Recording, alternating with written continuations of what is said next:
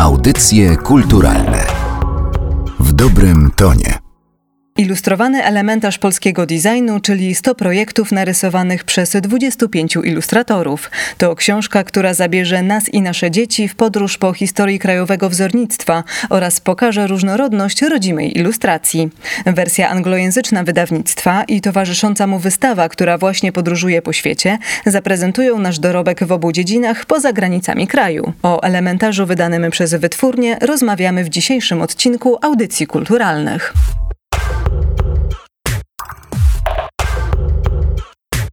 Na sam początek może mogłybyśmy spróbować opowiedzieć, czy ilustrowany elementarz polskiego designu jest książką bardziej o designie, czy bardziej o współczesnych polskich ilustratorach, bo tytuł sugeruje, że będzie design i ten design tam jest, ale układ alfabetyczny kieruje nas na nazwiska ilustratorów. Jest 50 na 50. Ewa Solarz, pomysłodawczyni książki Ilustrowany elementarz polskiego designu. Alfabetycznie rzeczywiście ilustratorzy są ustawieni, czyli 25 polskich młodych, ale nie tylko młodych ilustratorów, a chron chronologicznie są ustawione obiekty, czyli od 1918 roku do dzisiaj wszystko po kolei ustawione.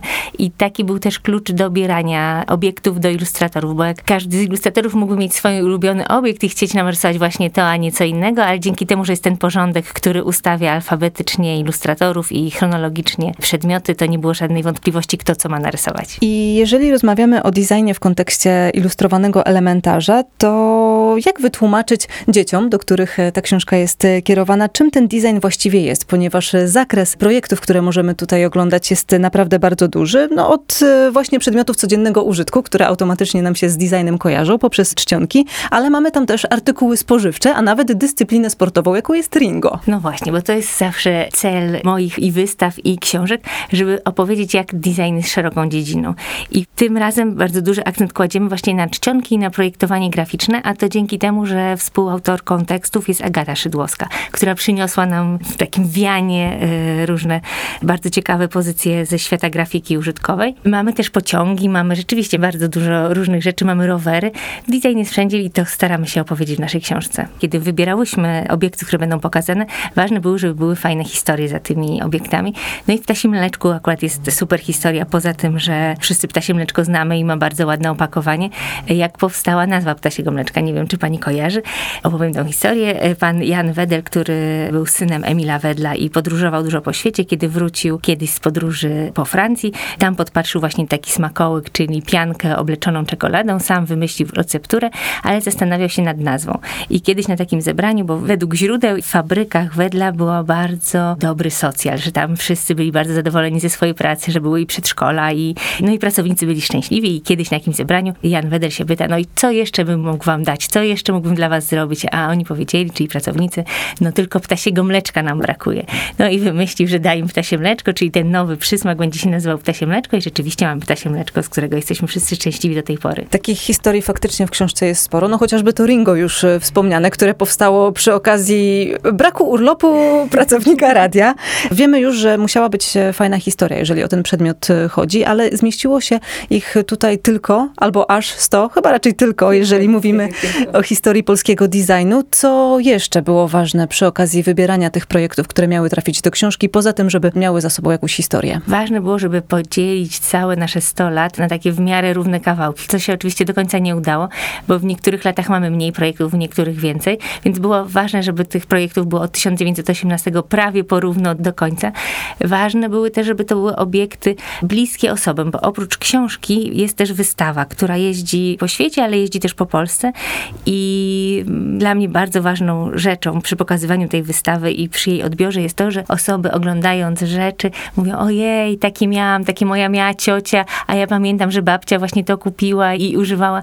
I to jest dla mnie ważne, żeby to były takie rzeczy, którymi się naprawdę otaczaliśmy, które naprawdę żyły. Wszyscy chodziliśmy w relaksach, wszyscy widzieli torby Peweksu, nawet jeżeli nie chodzili do Peweksu. Znaczy mówię teraz o rodzicach, którzy opowiadają to dzieciom, bo to też jest jeszcze taki kolejny cel, bo tych celów tutaj w tej książce było bardzo dużo, żeby starsze pokolenie mogło opowiedzieć młodszemu pokoleniu, jak to było przez te ostatnie 100 lat. Ale mamy tutaj też projekty współczesne, więc może się zdarzyć, że i młodsze pokolenie trochę opowie swoim rodzicom o tym, co widzi, no chociażby na koszulkach swoich kolegów ze szkoły. Dokładnie tak, mamy koszulki Pan tu nie stał i na wystawie na koszulce jest napisane dziadostwo i jako prowadzam grupy, to tak kończę przy tej koszulce i mówię, popatrzcie, te wszystkie rzeczy, które mogło się komuś wydawać, że to dziadostwo, te wszystkie rzeczy, które niektórzy wyrzucają do śmietnika, bo tak jest i właśnie niektórzy sobie zdają sprawę podczas wystawy, o Boże, ja to wyrzuciłem do śmiecia, to jest przecież kawał naszej historii, kawał designu, że to wcale nie jest dziadostwo, tylko to są porządne rzeczy, które trzeba szanować, kolekcjonować, wspominać. Właśnie o to też chciałam zapytać, czy przy okazji odkrywania kolejnych ilustracji, kolejnych projektów e, zdarza się, że sobie dopiero teraz uświadamiamy, że to faktycznie jest dobry design, bo kiedy powiedzmy no, moi rodzice mieli jakieś przedmioty, to niekoniecznie myśleli o nich właśnie w kategoriach dobrego designu, tylko po prostu mieli je, bo nie było innej możliwości, nie było wyboru, więc musieli mieć akurat tą suszarkę, a nie inną, ten wentylator, e, a nie inny, a teraz okazuje się, że to były bardzo dobre projekty. To jest właśnie definicja dobrego designu, że nie zastanawiamy się, czy to jest dobry, czy to jest zły design. Gdyby coś było nie tak, to wtedy wiadomo, że to jest zły design, a jeżeli jest dobry, to znaczy, że nic im nie dolega. Akurat z tą suszarką rzeczywiście pokazujemy w książce suszarkę Fema i to była e, jedyna suszarka produkowana wtedy, więc każdy ją miał. Jeżeli ktoś kupował suszarkę w Polsce, to właśnie taką. I ona nie była takim super. Wygląda przepięknie, jest bakelitowa, ma bardzo opływowe, ładne kształty, ale ona funkcjonalnie nie była taka idealna, bo ona wciągała włosy, miała troszeczkę za krótki ten wylot i moja babcia miała tą suszarkę i ona tak specyficznie pachniała. Ja zawsze myślałam, że ta obudowa tak pachnie, że to jest po prostu zapach suszarki, takich spalonych włosów. Wydaje mi się, że tak naprawdę to mało osób się zastanawia, czy coś jest dobrym designem, czy złym designem. Nie myślimy o tym tak w codziennym życiu, ale jak widzimy coś na wystawie, to nagle te rzeczy dostają nowego życia i dostają nowej wartości, nowego znaczenia. I podobnie jest, kiedy przeglądamy razem książkę z dziećmi, no bo do tego właśnie ona służy, niekoniecznie do tego, żeby gdzieś tam dziecku podsunąć, ale żeby właśnie obejrzeć ją wspólnie i na jej temat porozmawiać. To jest y, kolejny pani projekt, w którym decyduje się pani przedstawiać design nie za pomocą zdjęć konkretnych przedmiotów, ale za pomocą ilustracji. Skąd właściwie wziął się ten pomysł, żeby łączyć y, historię designu z ilustracjami? Rzeczywiście tak jest, że cztery lata temu już współpracowałam dłużej z Festiwalem Designu w Łodzi.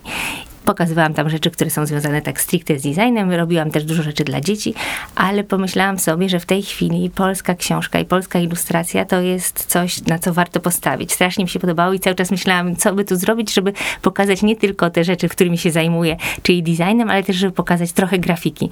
No i stąd ten pomysł, żeby połączyć i design, i grafikę. No i to się świetnie sprawdziło. Tamtą książkę zrobiłam też z 25 ilustratorami. Większość się powtarza, ale kilka nazwisk zostało wymienionych i to było wspaniałe wtedy, bo wszyscy ci ilustratorzy zrobili to za darmo i po prostu z takiego dobrego serca i z chęci pokazania dzieciom, czym jest design. No i strasznie się cieszę, że teraz współpracuję z ilustratorami i robię też wystawę o ilustracji. Właśnie dzięki tej książce poprzedniej, no i tej też. I co ciekawe, nie wszyscy ilustratorzy, którzy te ilustracje przygotowują, zajmują się ilustracją dziecięcą. To prawda, nie wszyscy, ale niektórzy zaczęli się po tej książce zajmować. Na przykład Dawid Ryski, który kiedy go poprosiłam o współpracę trzy lata temu, nie robił nic dla dzieci, teraz już robi dla dzieci. Co prawda nie w Polsce, tylko dla Gestalten, ale już już trzecią czy czwartą książkę właśnie wydał dla dzieci.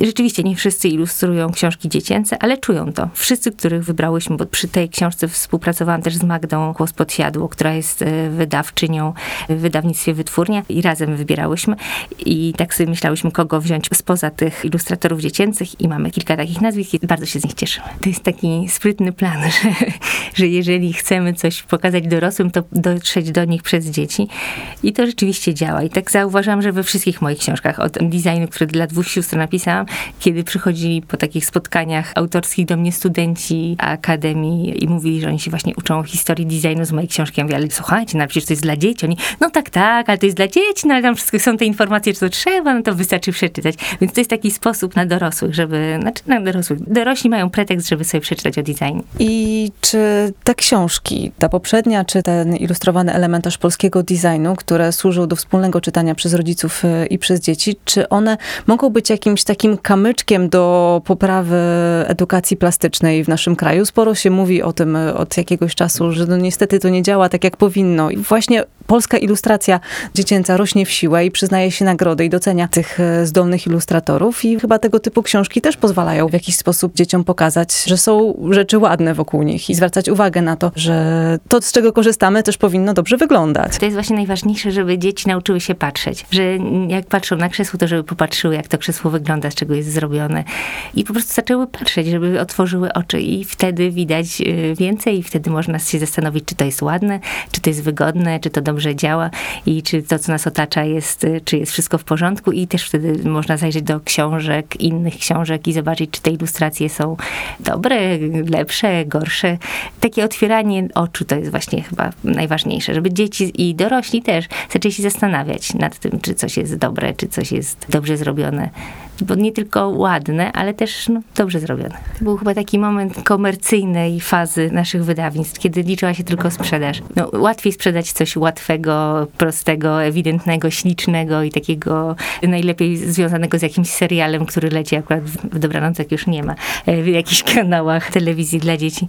Ale na szczęście polska ilustracja się otrząsnęła i jest naprawdę bardzo dobrze. Jest bardzo dużo dobrych książek, bardzo dużo nowych, e, młodych, znaczy nowych, tak naprawdę 10 lat temu powstawały te główne wydawnictwa, które teraz wydają właśnie takie naprawdę dobre książki, ale cały czas powstają nowe wydawnictwa i to jest naprawdę świetne. Mamy dużo dobrych ilustratorów i dużo dobrych książek powstaje i rzeczywiście tych nagród dla polskich książek jest coraz więcej, czy idziemy w dobrym kierunku. Polskimi ilustratorami oraz polskim designem możemy się chwalić e, również za granicą i także między innymi e, dzięki ilustrowanemu elementarzowi, który ma także swoją wersję anglojęzyczną. Czy wiemy już, e, jakie są reakcje na tę książkę poza granicami naszego kraju? książka anglojęzyczna została wydana przez Instytut Adama Mickiewicza i ona nie jest y, książką, którą można, chociaż nie będzie można kupić, ale na razie jeszcze nie można było jej kupić. Dopiero teraz mamy wystawę w Instytucie Polskim w Berlinie i tam obok jest księgarnia i od y, tego tygodnia będzie można kupić też książkę w księgarni.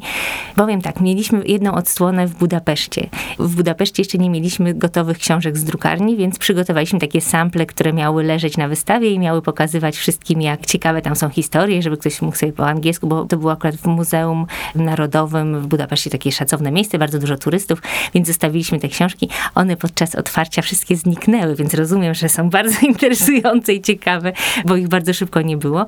Te wszystkie historie, które są w książce, są też na wystawie i widziałam, że ludzie z zainteresowaniem je czytali, więc mam nadzieję, że książka też się spodoba. Ta książka będzie takim prezentem, który Instytut rozdaje dziennikarzom zagranicznym, rozdaje kuratorom zagranicznym, artystom, więc myślę, że takie dotarcie będzie bardzo dobre i będzie procentowało. Ale za to wystawa jest e, dostępna dla wszystkich. E, gdzie już była i gdzie jeszcze będzie? Pierwsza edycja wystawy miała miejsce w Gdyni podczas e, Gdynia Design Days w czerwcu. Potem wystawa pojechała do Budapesztu. Teraz wystawa jest w Berlinie. Jak wróci z Berlina, to pojedzie do Poznania. Po Poznaniu jedziemy do Bukaresztu, to już w przyszłym roku. Potem mam nadzieję, że uda nam się pokazać wystawę w Bolonii podczas targów książki dziecięcej, czyli w najlepszym miejscu, w jakim można taką książkę pokazać.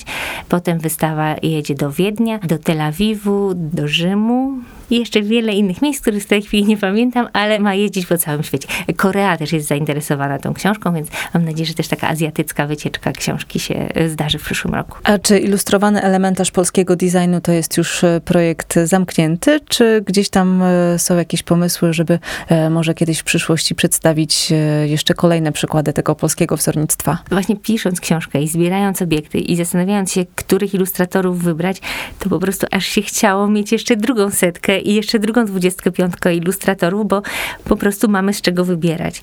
Jeżeli będzie tak dobrze, jak jest do tej pory, to niewykluczone, że powstanie ilustrowany elementarz polskiego designu 2 i tam będą te rzeczy i ci ilustratorzy, którzy się nie załapały do pierwszego wydania.